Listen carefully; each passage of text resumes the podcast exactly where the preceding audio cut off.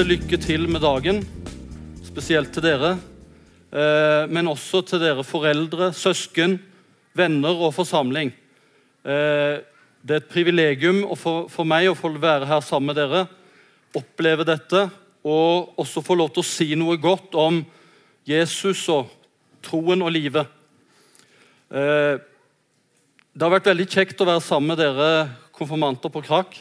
Undervise for dere og være sammen med dere. Og dere så på disse bildene at en har opplevd mye forskjellig og hatt mye kjekt sammen. Eh, men de har også vært engasjerte i undervisningen, iallfall etter hvert. Og eh, vært nysgjerrige, spurt og kommet med innspill. Og noen ganger sånn at en ikke har kommet igjennom det en hadde planlagt. Men det har vært veldig flott. Det at dere er nysgjerrige, det må dere fortsette med. Det er sagt om nysgjerrighet at det er et av de varigste og sikreste tegn på en levende intelligens. Så, så, det må dere ta med dere og fortsette å være spørrende, nysgjerrige både til livet og troen, Bibelen og Jesus. Eh, det ordet som jeg skal dele, og som jeg ønsker å på en måte gi dere videre på veien for framtiden deres, det delte jeg òg med dere på den avslutningen vi hadde her på VEA for en tid tilbake. Men jeg skal ikke si så mye egentlig om det bibelordet, annet enn at jeg skal lese det i starten og på slutten av det jeg har å si. Og Det er fra Jeremia 29, 11. Og Det er et ord som dere bør lære dere med hjertet, for det er en skatt.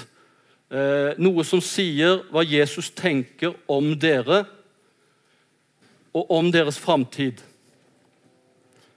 For jeg vet de tanker jeg tenker om dere, sier Herren. Det er fredstanker og ikke tanker til ulykke. Jeg vil gi dere framtid og håp. Skal vi kort be. Takk, Herre Jesus, for at du har de beste tanker for Jakob og Simen og Mathias og Benjamin og Sivert og Markus. Og takk også for at du vil gi dem framtid og håp. Og Jeg ber nå også om at du, Jesus, må berøre oss lett, men sterkt med dine trygge og sterke hender. Amen. Det er mye jeg kunne tenkt meg å sagt til dere konfirmanter, og for så vidt til dere foreldre og søsken og alle dere som er her. Eh, men det er to ting jeg har lyst til å si. Eh, og Kanskje vil dere ikke se noen sånn umiddelbar sammenheng uten videre, eh, men jeg tror allikevel at det er to ting som jeg tenker er viktig å ha med seg den framtiden dere har foran dere. Og det er lev kreativt. Og legg merke til sårene i Jesu hender. Lev kreativt og legg merke til sårene i Jesu hender. Lev kreativt. Når Gud skapte mennesket, så skapte han oss i sitt bilde, står det. I sin lignelse. Til å være skapende, til å være kreative. Så dere konfirmanter er skapt kreative, skapende. På engelsk så kommer det mer direkte og tydelig fram, for der snakker man om skaperen som the creator. Uh, he created all things. Og en snakker om skaperverket som the creation. Gud er kreativ, og du er kreativ. Skapt til å være kreativ. Rett nok så kan ikke du og jeg skape bare med ord. Men vi kan med det vi har fått av evner og ressurser, forme med våre hender, med vårt intellekt, med hele oss. Til glede for Gud og til glede for våre medmennesker. For våre søsken, foreldre, venner, naboer og verden for øvrig. Gud vil at du skal bruke det du har fått. Ikke forspille dine gaver, men lev kreativt. Johan Sebastian Bach Jeg vet ikke hva forhold dere konfirmanter har til han, men han var i alle fall det en kunne si kreativ. Han regnes for å være en av de største musikere som verden har sett. Største komponister. Eh, og hans musikk spilles i dag verden over. Mer enn 250 år etter hans død. Og er enda mer utbredt enn i hans samtid. Hans lidenskap og hans kreative åre var musikken. Og den gikk han lidenskapelig inn for. Han var kreativ. Og slik vil jeg at dere konfirmanter og dere andre skal være kreative, lidenskapelig kreative. Hans lidenskap slo seg, fikk bl.a. det utfallet bl.a. i hans oppvekst. En liten historie om det, hvor han, eh, han lærte seg å spille orgel og var flink. Han bodde hos sin eldre bror fordi begge foreldrene var døde. Eh, og hans onkel var på en måte som en formynder. Eh, men både broren, den eldre broren og, onkelen på en måte begrenset Bach, for han ville spille mer krevende musikkstykker. Han ville utfordres og bruke seg mye mer. Men disse musikkstykkene ble låst inn, og han fikk ikke tilgang til de. Han ble på en måte holdt litt nede. Eh, men en stormnatt så bråkte det voldsomt i huset pga. vinden og stormen og regnet. Og Da tenkte han nå har jeg anledningen til å gå ned den trappa som knirker så fælt. Og ned til disse notene så låst de inn bak en grind eller et sånt gitter. Og Han gikk ned, og så tok han disse musikknotene og så kopierte han de, la de tilbake, og så spilte han på disse i noen uker til de igjen ble beslaglagt av denne eldre broren og, og onkelen. Han ville ikke la seg stoppe, og du må heller ikke la deg stoppe å bruke dine kreative ressurser og evner som du har, enten det er noen som vil ta motet fra deg, eller det er foreldre, eller det er venner, eller hvem det måtte være. Lev kreativt som Bach. Du med dine evner Det er ikke sikkert det er musikk som er din eh, spesielle gave. Men bruk det. Lev kreativt. Bach han hadde også et motto som jeg syns dere òg kan ta med. Eh, han skrev på alle sine noter tre bokstaver SDG, som står for de latinske ordene 'soli deo gloria', som betyr 'Gud alene skal ha æren', eller 'all ære til Gud'. Det hadde Bach som motto, for han skjønte at han hadde fått denne musikalske evnene fra Gud. Og så ville han bruke de til Guds ære og til glede for andre. Og så hadde han en bønn hver gang han satte seg ned for å komponere et musikkstykke. Jesus, help me show your glory through the music I write. May it bring you joy, even as it brings joy to your people. Til glede for Gud og til glede for medmenneskene. Og Du òg kan være til glede for Gud og dine medmennesker ved å leve kreativt. Eller som en har sagt det, alt det din hånd er i stand til å gjøre, gjør det med all din kraft. Skriv en bok, dikt et dikt, mal et maleri. Skap musikk. Vi trenger nye musikere, nye forfattere osv. Men det å leve kreativt er mer enn det som vi kanskje forbinder med kreativitet. Nettopp det å skape musikk, kunstverk, malerier. For når Gud skapte oss kreative, så var det for at vi skulle være kreative som venner, som barn, som ungdom, som voksne. Som tømrere, elektrikere, som frisører, som lærere, som professorer. I hverdag, i å bryte grenser, forandre verden til det bedre. Krysse grenser som hjelpearbeider eller misjonær. Kanskje noen av dere også skal krysse grenser for å fortelle de beste nyhetene om Jesus og hans gode og sterke og trygge hender. Så lev kreativt, til glede for Gud og andre mennesker. Det andre som jeg ville at dere skal merke dere, det er å legge merke til sårene i Jesu hender.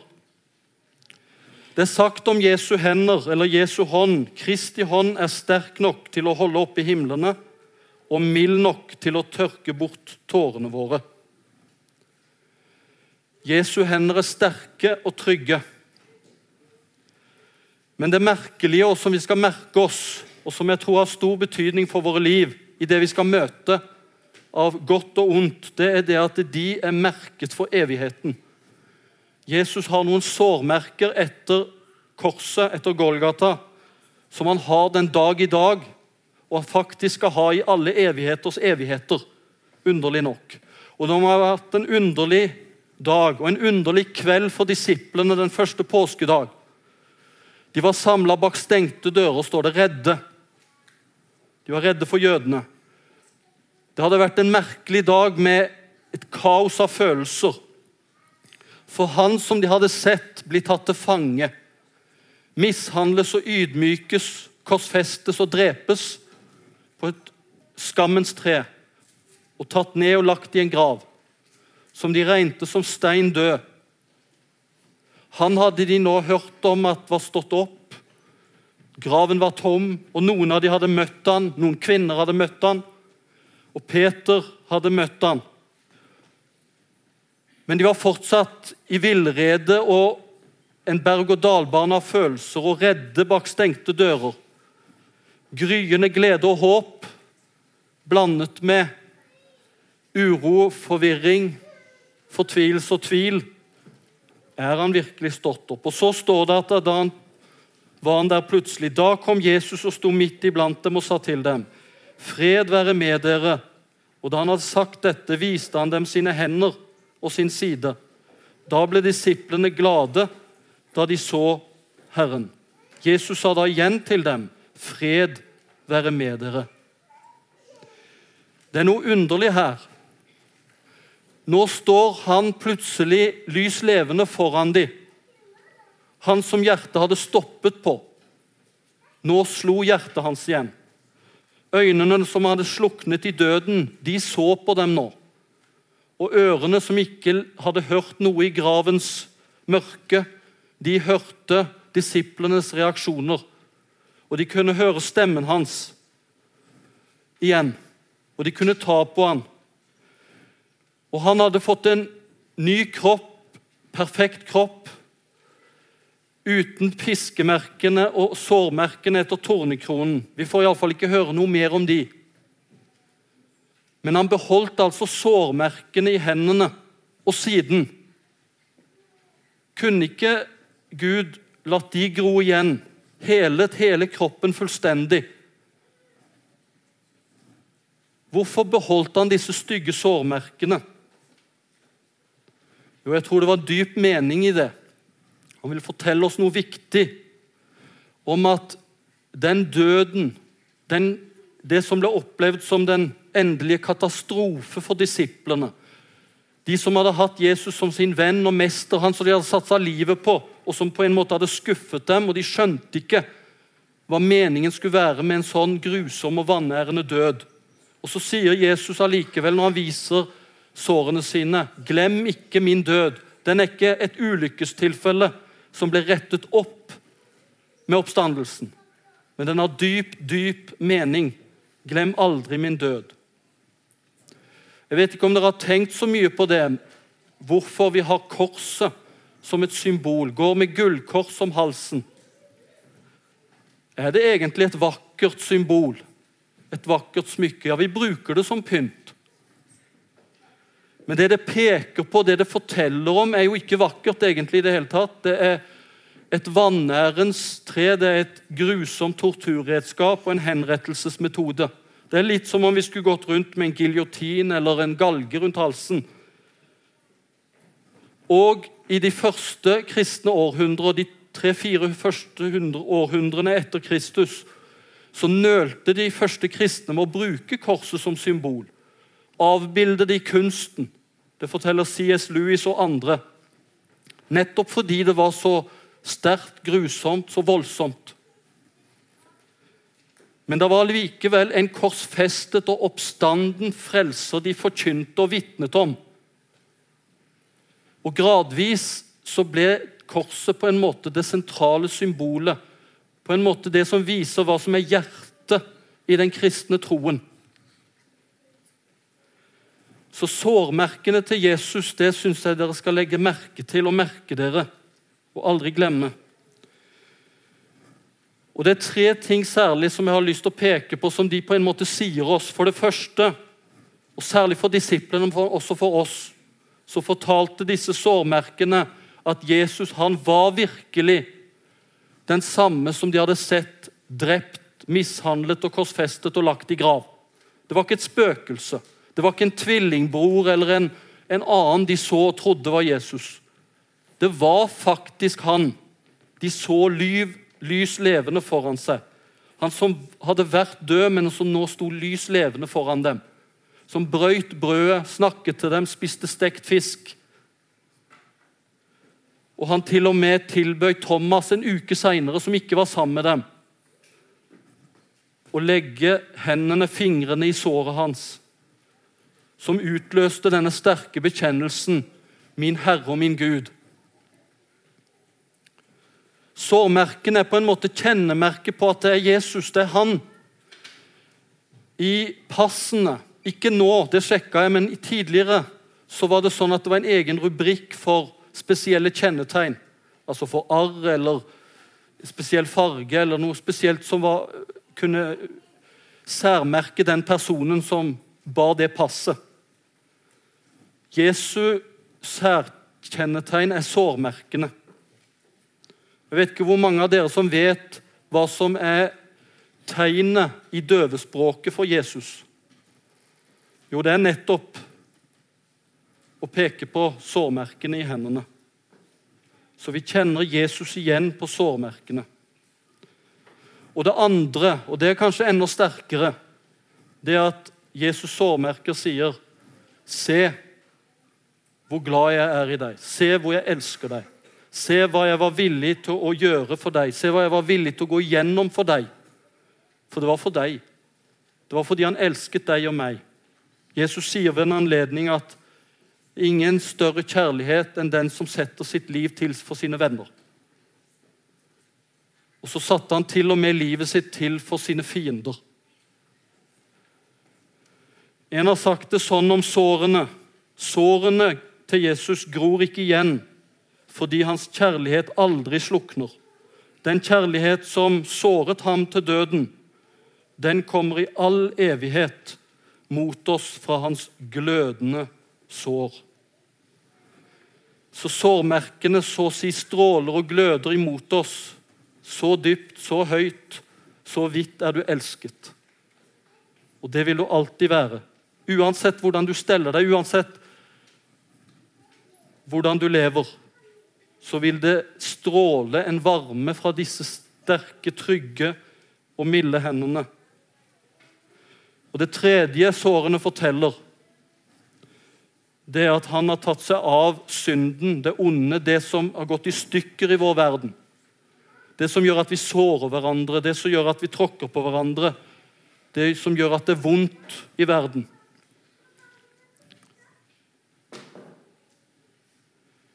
Det har han tatt seg av på korset. Men han ble såret for våre overtredelser, knust for våre misgjerninger. Straffen lå på ham for at vi skal, skulle ha fred, og ved hans sår har vi fått legedom. Jesus sår forteller deg og meg at her er tilgivelse å få. Her er fred å få. Og når han viste sårene til disiplene denne første påskedag, så var det nettopp en fredshilsen. Fred være med dere. Og han sa det to ganger som en dobbel forsikring. Fred være med dere. Det er fredstanker jeg har for dere. Legg merke til sårene i Jesu hender.